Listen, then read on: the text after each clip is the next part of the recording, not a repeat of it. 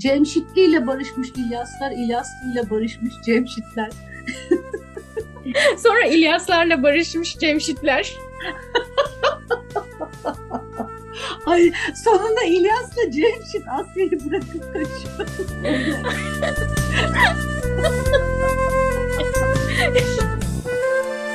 Aşk mı sevgi mi?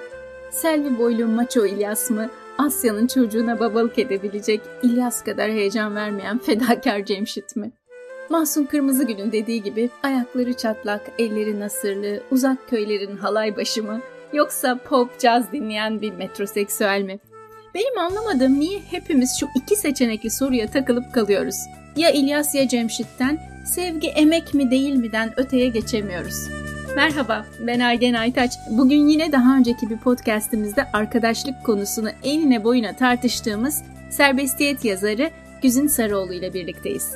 İkimiz Selvi Boylum Al Yazmalım filminin sonunda kalbini İlyas'ta bırakarak güvenilir bulduğu Cemşit'i seçen Asya'yı ve onun gibi ikilemde hisseden birçok kadını ve hatta erkeği bu kısır döngüden çıkarmaya çalışacağız. Kuşak için sevgi neydi deyince biz hepimiz Emekti. sevgi emekti diyor.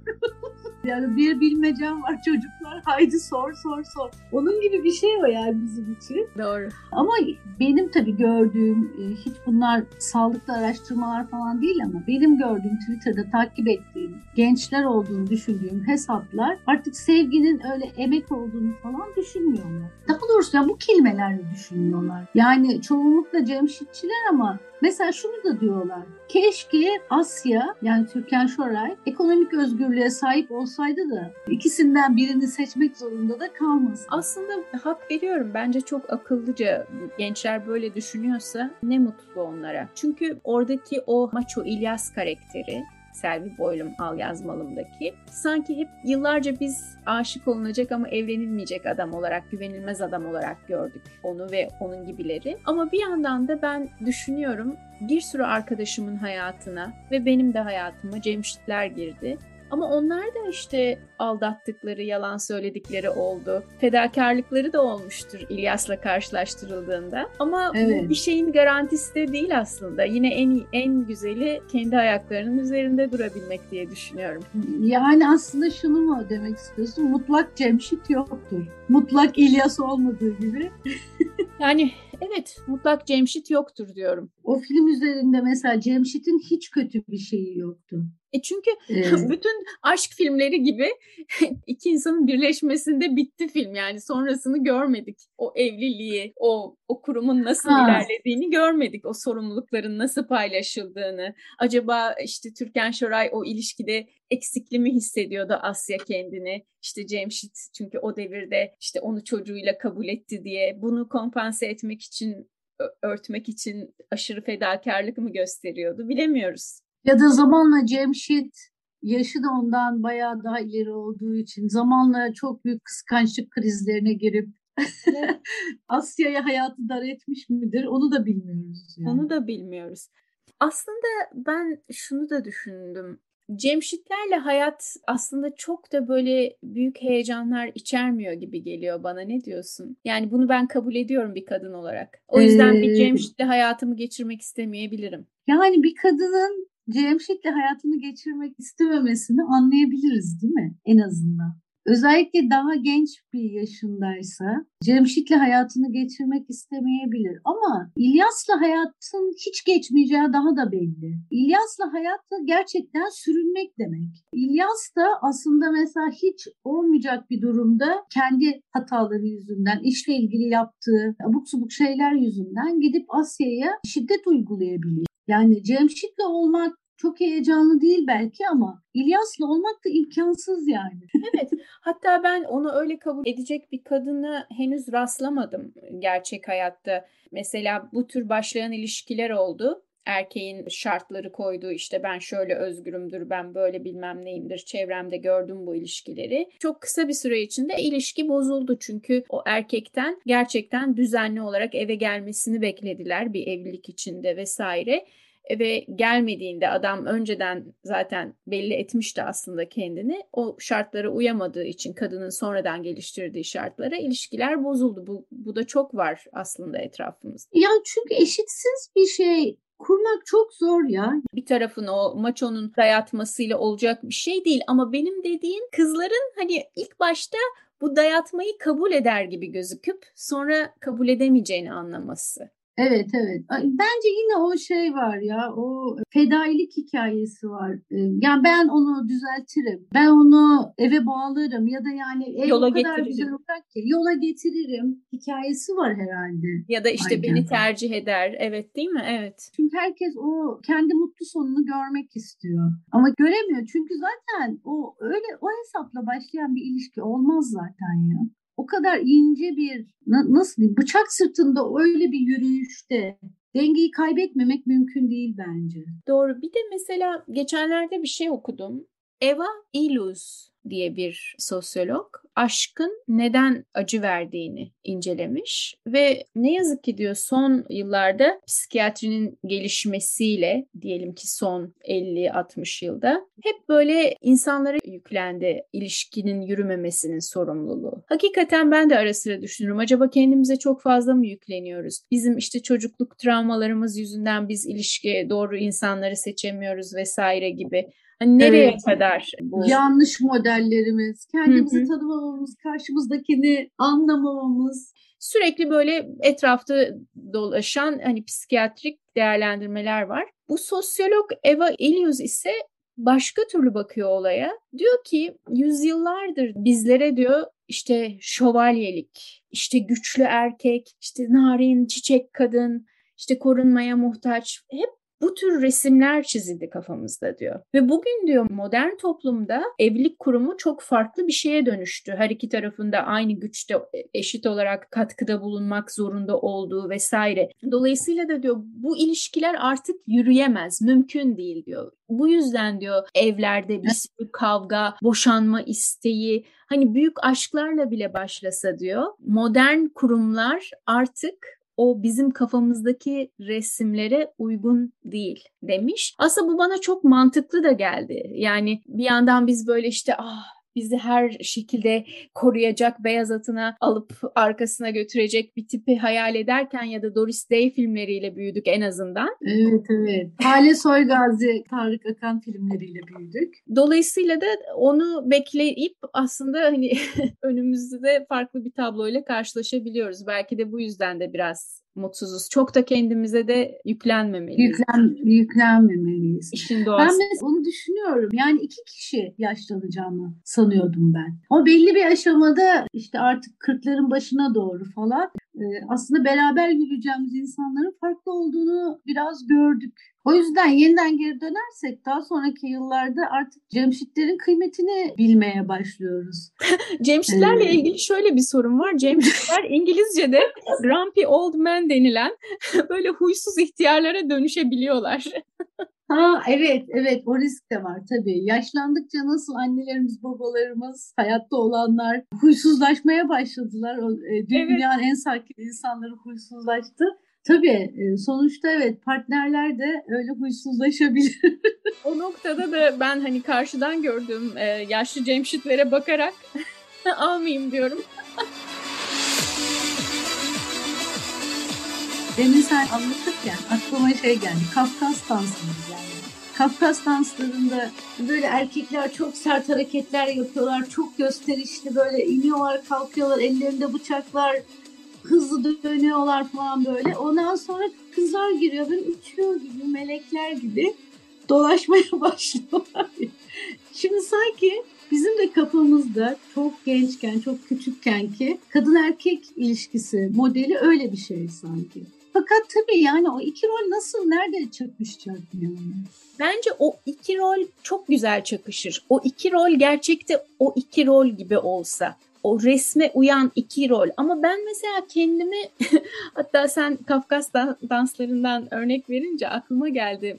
Yıllar önce 20'li yaşlarımın başında Azerbaycan'dayım. Bir restoranda oranın ünlü bir bestecisi piyano çalıyor. İşte ben de arkadaşlarımla dans ediyorum. Ve oradaki ama genelde de erkek hepsi ve o dediğin o sert kol hareketleriyle dans ediyorlar ve ben daha yeni gitmiştim. Olayın farkında değilim. Ben de böyle sert el ve ayak hareketleriyle dans ettim ama ruhuma da uyan bir şey bu aslında. Beni uyardılar, güldüler. Yok hayır sen şöyle elini hafif bir aynaya bakar gibi tutacaksın sonra o aynayı karşıya göstereceksin falan diye. ee, çok ben e, orada şunu görüyorum. Bu bir ne derler latife diyelim hani komik bir anı ama ben iş hayatının kadınları o tüy gibi hafif kırılgan olmaktan çıkardığını düşünüyorum okul ve iş hayatının yani sonuçta biz erkek arkadaşlarımız gibi okuduk ve çalışmaya başladık ve işte kariyer yaptık. Dolayısıyla da ben kendimi kadından çok o resimde erkeğe benzetmişimdir her zaman. Mesela evde diyelim ki yemek yapan biri var, bekleyen biri var.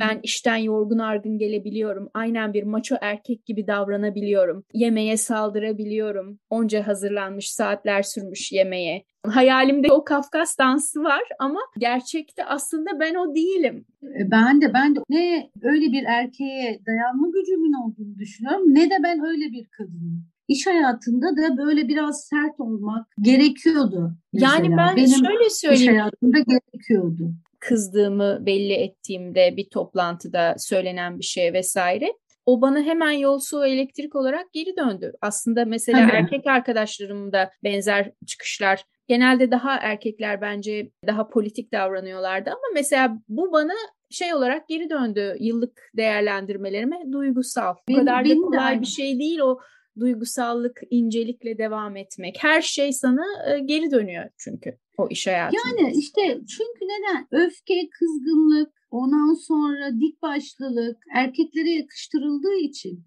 sen hakikaten açık sözlülükle, dik başlılıkla bir şey yaptığında o senin duygusal olmana bağlanıyor. Hı hı. Yani sen duygusal olduğun için konuları böyle başka değerlendiriyorsun gibi. Aslında duygusal olmak bence güzel bir şey. Duyarlı olmak, duygusal olmak. Ama eleştiri olarak geliyor tabii bunlar. Bir de Güzin şöyle bir şey yok mu? Biz böyle evet kadınlar genelde maçolara gidiyor diyoruz ama sen kaç tane hayatına bu tür bir erkeği sokmuşsundur ki? Ben şimdi düşünüyorum kendimi. Hiç de öyle tek bir tip insan yok hayatımda. Değişik boyutlarda, değişik renklerde, değişik karakterlerde insanlar var sonuç olarak. Yani ille de bir tipe gideriz diye bir şey de yok aslında. Farklı şekillerde bizi etkiliyor. Hani birazcık kendimize de kredi verelim bu konuda. Yani espiritüelliği etkileyebiliyor, sözcükleri kullanımı etkileyebiliyor insanı, sıcaklığı, şefkati etkileyebiliyor. Evet evet benim için de öyle. Bütün kadınlar maço erkeklere gider diye bir şey yok. Ama bak şöyle ilginç bir durum var yine de. Hiç ummadığım, şu anda da e, tanıdığım işte 2000 21 yılında genç tanıdığım kadınlar 30'lu yaşlarının başındaki kadınlar falan hala şunu söylüyorlar. Ya haklısın ama maço erkekler beni daha çok çekiyor. Ben şöyle bir beni çeksin alsın istiyorum diyebiliyorlar mesela. Acaba o şu olabilir mi ki ben mesela kendimi öyle görüyorum biraz. Yani ben en az kendim kadar güçlü, en az kendim kadar çabuk karar verebilen bir erkeği beğenirim diye düşünüyorum. İlle de benden daha güçlü olsun diye değil çünkü ben zaten kendim güçlü bir insan olduğumu düşünüyorum. Bağımsız bir insan olduğumu düşünüyorum. Ve ben en az kendim kadar bağımsız ve güçlü bir insanı tercih ederim gibi geliyor. Ama Çünkü daha üstün aslında... vurup kıran biri asla değil. Yani hani onu ne yaparım bilmiyorum. Aslında belki kendi kadın rolümüze sarılmak için böyle bir şeye ihtiyaç duyuyoruz. Yani daha kararsız, kendisini güçsüz hisseden, kendini ortaya koyamayan bir erkeğin karşısında erkekleşmek zorunda kalıyoruz belki. Bir de kendimizi bile olamıyoruz bazen. Geri de çekebiliyorlar. Aynen bir bürokrat gibi. Sen kazandığın parayla gidip bir şey alacaksın. Değer mi? İşte bu kadar paraya. Hani sürekli bir... Evet, evet. Ee, zaten e, sürekli içimizde yani var öyle şeyler. Bizim kuşak da belki birkaç kuşak çok geçiş kuşak ları yani para harcarken, yemek yaparken, bir şey alırken, bir yere giderken aslında hep böyle bir sorgulama halinde oluyorduk. Bir de yanımızda birisi sürekli bu vicdanı kanırttıkça diyeyim. Bir doğru, doğru kelimeyi bulamadım hala burada. Yani e, Vicdanı sürekli işte kurcalıyor ama bak ben e, kurcaladıkça yani bak bu ille aşk meselesi de değil. Ben mesela böyle bir heyetle bir Çin ziyaretim var ve o heyette üç erkek var. İkisi yani gerçekten Cemşit'in Cemşit'i. Bir tanesi ben orada bir şey deniyorum. Hayatımda belki bir daha Çin'e hiç gitmeyeceğim ve sadece orada bulabileceğim bir şey. Karşıdan biri bana dedi ki aşkla falan hiç ilgisi yok bunun. O erkeklerden biri ki çok hala çok saygı duyduğum biri karakterine. Ya Aygen Hanım ne kadar yakıştı mutlaka bunu almalısınız. Ne güzel.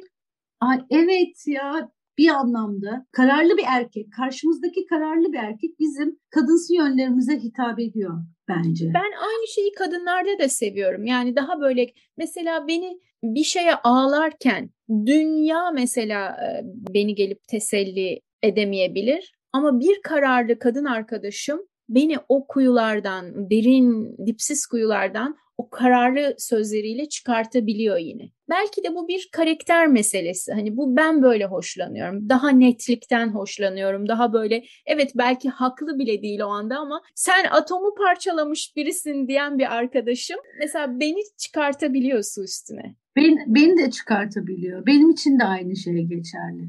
Ama yani orada ama şunu da düşünmemiz lazım. Yani şimdi kadın arkadaşlarımızla ilgili öyle zaten. Ama bir erkekten de minimumda en azından kararlı olmasını, en azından açık sözlü olmasını, sözünün arkasında durabilmesini, yardımcı olmasını, senin hayallerini yardımcı... gerçekleştirmene yardımcı, sen nasıl onun hayallerini gerçekleştirmesine yardım edeceksin? O da evet. mesela bir yere çok başıma geldi. İşte diyelim ki bir toplantıya bir e, bir yere gideceğim, havaalanına gitmem gerekiyor. Yani iki tip var. Birisi ay sen özel hayatına mı daha çok önem vereceksin yoksa işte işe mi?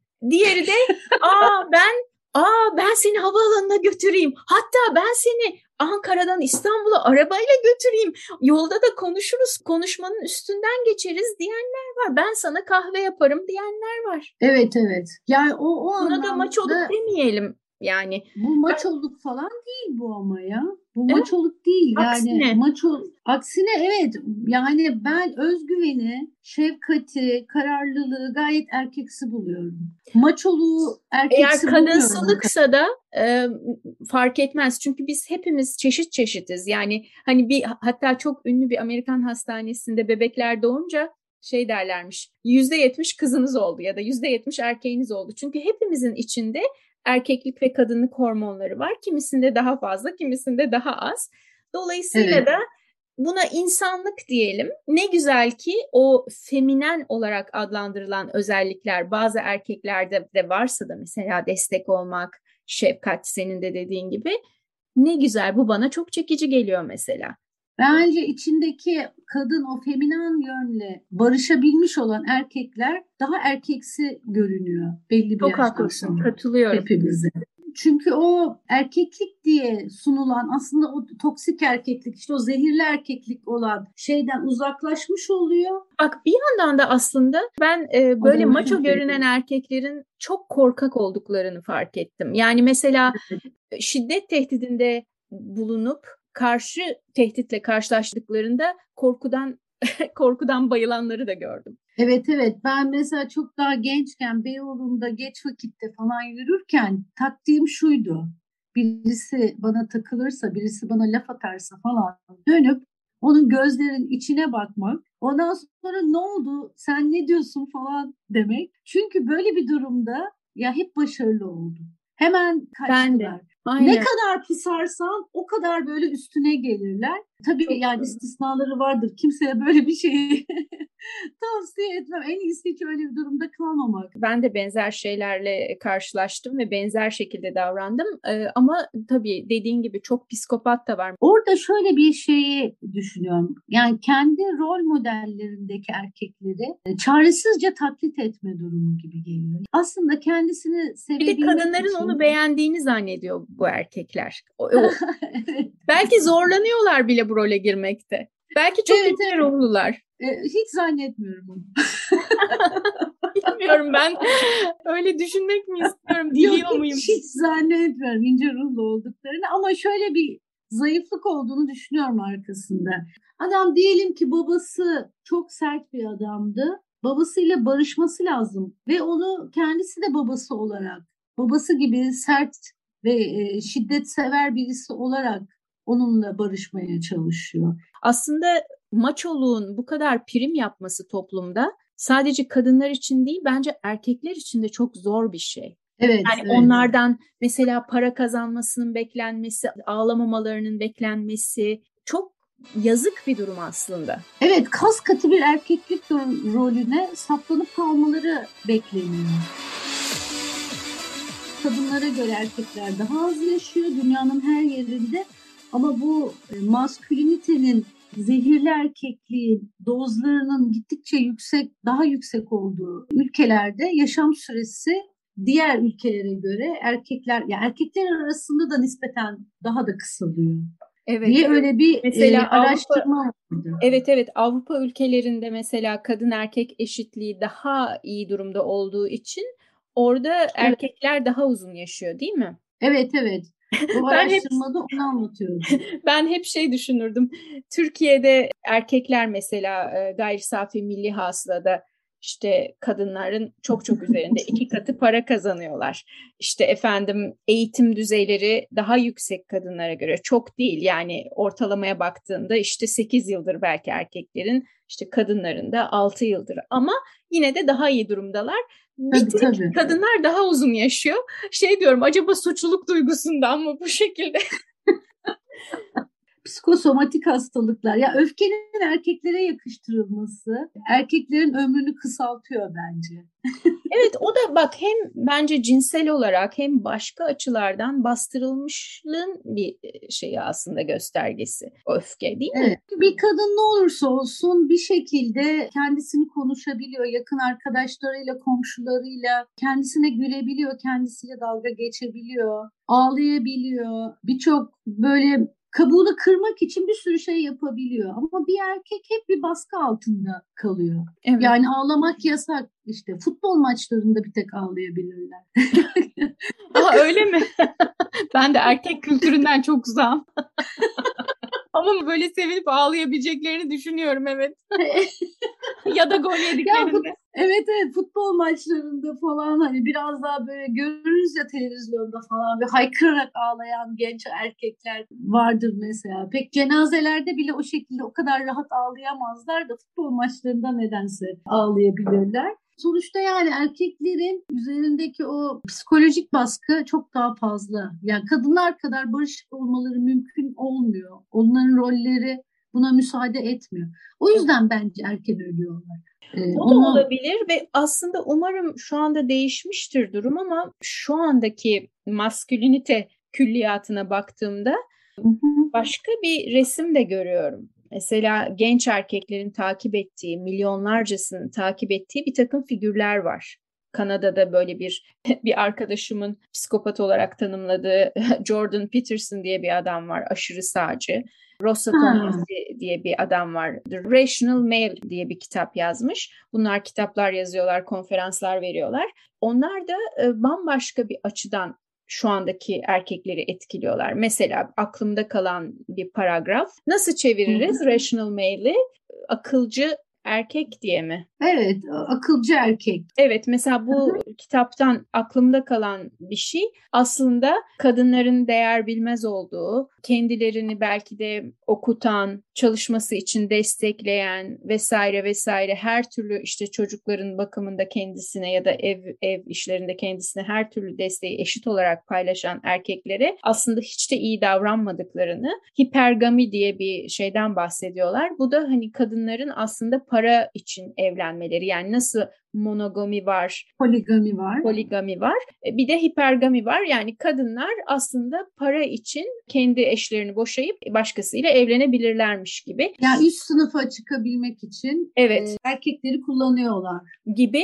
Mesela kadınlarla gibi ilgili nasıl ki biz şu anda kaçındık maço erkeklerin hepsi maçodur demekten Ama mesela bu tür yazarlar ki umarım gençleri etkilemiyorlardır. Hiç kaçınmadan, düşünmeden kadınların tümünü bu sepete koymuşlar. Umarım şimdiki gençler de bu tür hem pornografinin hem bu tür yazarların, çizerlerin hani böyle aşırı zehirli erkeklik saçan insanların etkisinde kalmıyorlardır bu devirde. Çünkü bu, bu yazar çizerler yine şunu savunuyorlar. Artık işte ilkokullardan itibaren erkeklerin artık erkekliklerinin öldürüldüğü, çok yumuşatıldığı vesaire gibi argümanları var ve buna karşılar. Evet, bütün sistem erkeklerin kadınlar gibi olmasına yönelik olarak işliyor diyorlar. Bu çok tuhaf bence bir yani bu barışamama halinin başka bir tezahürü gibi geliyor e, erkeklik. Ya erkeklikle ilgili bütün zorlukları kadınlara yüklemek gibi bir şey haline evet. almış. Evet. Hatta da. şu anda mesela işsizliği bile kadınların iş gücüne girmesi olarak hani girmesine sebep gösterenler bile var biliyorsun. Türkiye'de de oldu bu. Ve tabii şöyle bir şey var yani aslında bu bahsettiğimiz hikayeler Amerika için bile tam olarak tarihlerini şu anda hatırlayamayacağım ama diyelim ki 60'lara kadar eşinin e, yani kocasının izni olmadan çalışamıyor kadın. Tabii. Yani Batı dünyasında bile bu hikayelerin ortaya çıkışı belki son 60 yılın hikayesi. Dolayısıyla böyle tepkilerin çıkması da çok normal. Düşünürsek daha çok yeni hikayeler bunlar. Ve buradan e, düşmanlık üretilmesi vesaire çok şey. Ama bir yandan da şunu göstermiyor mu sence? Ne kadar içselleştirilmiş bir durum. Yani iş diye bir şey var. Kadınlar devreye girdiği için o işten daha az yararlanabiliyor erkekler. Yani öyle bir şey ki aslında iş zaten erkekler için var. Para kazanmak zaten erkekler için var. Kadınlar aradan şey yapıyorlar. Ne denir? Ee, burunlarını sokuyorlar. Burunlarını sokuyorlar gibi. Yani dünya erkeklerin dünyası aslında da kadınlar gereksiz yere bir e, çıkıntılık yapıyorlar. Bir de bu bir de sen böyle bir argümanla onlara gittiğinde diyorlar ki hayır canım eğer 100 yıl önce işte e, erkekler yapıyorsa işlerin çoğunu bu onların bu konuda daha iyi oldukları için bu bir beceri meselesi diyorlar. Yani bunu sırf erkek oldukları için yaptıklarını da kabul etmiyor bu adamlar. O da ilginç yani ne kadar manipülatif cevaplar bunlar. Aa, evet evet yani kadınlar iş dünyasına girdi o yüzden biz işsiziz demek e, gerçekten çok yani bunun ne kadar içselleştirildiği iç, içinden için için adam dünyanın kendi dünyası olduğunu düşünüyor. Aynen öyle. Yani dünyanın erkekler için kurulmuş olduğunu, kadınların da konu mankeni olduğunu düşünüyor büyük ihtimalle. Mu- muhtemelen yani kendilerine hizmet edecek insanlar olarak. Bu bana şeyi hatırlattı. Virginia Woolf'un kendine ait bir oda kitabını. Yüzyılın başında yazdığı bir kitap. Şey demişti. Evet, neden kadınlar arasında çok yazar olmadığını açıklarken çünkü aslında kadınların sahip olduğu tek oda başkasıyla paylaştığı oda. Yani kendine ait bir odası yok, oturup yazacak bir odası yok. Bütün odalar kadınların bulunduğu hep ortak. Temizlediği odalar, evet. yemek pişirdiği odalar ya da işte birlikte kaldığı odalar. Yani çocuklarına baktığı odalar. Yani kadınlar tabii ki beceri kazanamazlar, yazamazlar, üretemezler. Çünkü kendilerine ait bir gelirleri yok. Evet, Bütün bunları evet. yapabilmek için senin kendine ait bir odan olması gerekiyor.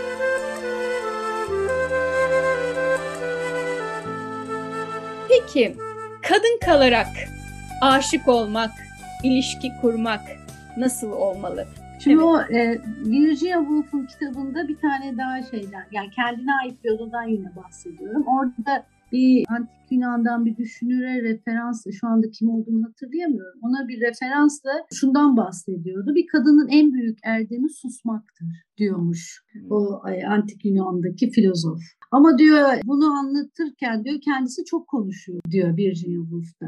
Şimdi öyle bir hikaye. Ben şu anda Türkiye'de de yani bizim yaşımızda, bizden sonraki e, daha genç kuşaklarda da aslında hep bir susma görevinin yüklendiğini düşünüyorum. Fazla konuşmazsan daha kadınsı bulunuyorsun. Genel olarak kadın haklarından bahsedebilirsin. O biraz böyle entelektüel kadın olmak anlamında olumlu bir şeymiş gibi algılanıyor. Fakat kişisel olarak kendi kadın haklarından bahsedersen çok hoş karşılanan bir şey olmuyor bu.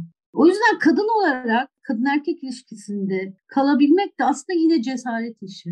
Yani aklına gelen soruları sormak sanki kadınsı bir şey değilmiş gibi davranılıyor sana. Halbuki senin o soruları sorman lazım. Çünkü bir kadının o soruları merak etmesi, o soruların cevabını merak etmesi çok normal. Ne gibi sorular? Bu tepki duyulan sorular? Gık desen, aa sen işte evlenmek için onları söylüyor olursun. Ne zaman görüşelim desen baskı yapıyor olursun. Ne bileyim yani eşitlik, açıklık, açık iletişim istediğin anda aslında bazı sorular sorman lazım. Ama o soruları sormak da çoğunlukla Türkiye'de e, erkekleri kaybetmek anlamına da gelebilir. Yani huysuz kadın, e, çaçaron kadın vesaire olabilirsin yani. Gelelim maço erkeklere. Kuralları koymak isteyen erkek her şeyi kendine yani kuralları koymayı, ilişkinin gidişatını bile, hızını bile belirlemeyi sadece kendine hak gören erkek. Tabii maço erkeği bir kadın bu şekilde görüyorsa yani böyle ekonomik bağımsızlığını kazanmış, işçi gücü olan, e, aşağı yukarı bir e, çevresi olan falan, sosyal güvenceleri olan bir kadının e, maço erkeği böyle görüp de onunla birlikte olmak istemesi çok mümkün değil gibi geliyor bana aslında.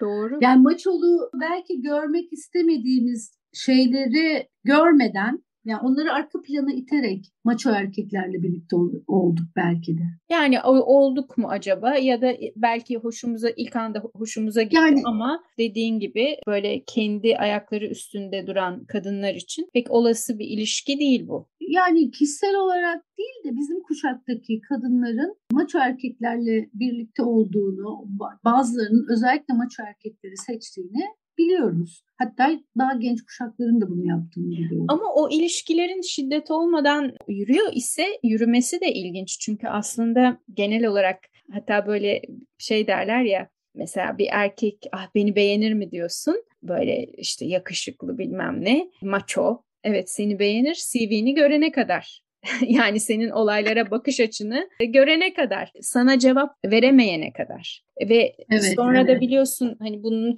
kitapları yazılmış. Erkeklerin genelde şiddete başvurdukları nokta. Bunlar sadece böyle hani eğitimsiz kadınlara olmuyor. Eğitimli kadınlara arasında da çok yaygın bu şiddet ve o noktada şu erkeklerin kadına cevap veremediği nokta. Hemen şiddete başvuruyorlar evet. bu sefer. Dolayısıyla hani bu ilişkiler her halükarda zor. Yani dediğin gibi şeye geliyoruz. Yani kadın eğer bilinçli olarak susmuyorsa, susmayı tercih etmiyorsa zor bir ilişki. Evet, çok zor bir denge. Peki sence bu yaşlara göre değişiyor mu bu maçoluk? Sen son eğilimleri nasıl buluyorsun? Ben ben e, olumlu e, yönde değiştiğini sanıyorum ama tabii çok kısıtlı bir örneklem üzerinden bunu söyleyebiliyorum. Ee, hem oğlumun arkadaşlarından, arkadaşlarımın çocuklarından falan da gördüğüm aslında bu cinsiyet rollerinin ne kadar belirsiz hale geldiğiyle ilgili de bir şey var. Keşke. Gerçekten şimdi şöyle tabii biraz daha şey nispeten iyi okullardaki iyi öğrenciler, özellikle annesinden düzgün böyle bir yaklaşım görmüş olan çocuklar falan arasında cinsiyetler belirsizleşmiş hale. Belki bu e, şiddetin de Cinsiyet önüne geçecek rolleri. bir şeydir. Daha saygılıysa insanlar birbirlerine. Evet yani öyle biseksüel, panseksüel şöyle böyle çok çeşit çeşit çeşit evet. çeşit cinsiyet evet yani çok çeşit çeşit cinsiyet rolleri var. Orada bir özgürlük alanı var. Kesinlikle. Mesela biz hep drag queen biliriz. İngiltere'de drag kingler var. Yani kadınlar maço erkek rollerine giriyorlar ve dalga geçiyorlar. Yani şov yapıyorlar şarkılarla, stand-up şovlarla ve bunun da bayağı bir seyircisi var. Nasıl drag queen abartılı hani erkekler kadın kılığına giriyorlar. Eğlence yerleri var böyle. Şimdi tam tersi evet. varmış. Çok, Aa, çok ilginç. Çok hoş. Aklıma geldi sonra Türkiye'de böyle erkek kılığına giren kadın Yasemin Yalçın. Değil mi? Onun böyle komedyen. Ha onun vardı öyle şeyleri. Evet evet. Doğru. Karikatürize ettiği erkek tipleri vardı. Evet ama bu şey konusu mesela benim için çok ilginç hakikaten de. Bu cinsiyetin belirsizleştirmesi. Yani kendilerini herhangi bir cinsiyetten olarak tanımlamayan gençler var. Belirsiz bir alandalar. Yani o da olabilir bu da olabilir. Dolayısıyla Böyle bir... hiçbir cinsiyete karşı ön yargı da taşımıyorlar. Tabii, İl, tabii. Ya da kendilerini ya. ille böyle ağlamamak zorunda hissetmiyorlar ya da ille işte bir şeyleri başarmak zorunda hissetmiyorlar belki. Evet aslında özgürleştirici bir şey. bir Bence yandan. de yani, yani onay kadınlıkla ilgili evet kadınlıkla ilgili rollerden, erkeklikle ilgili rollerden hatta mesela eşcinsellikle ilgili rollerden özgürleşmiş oluyor. I want to break free from your lies, you're so self-satisfied.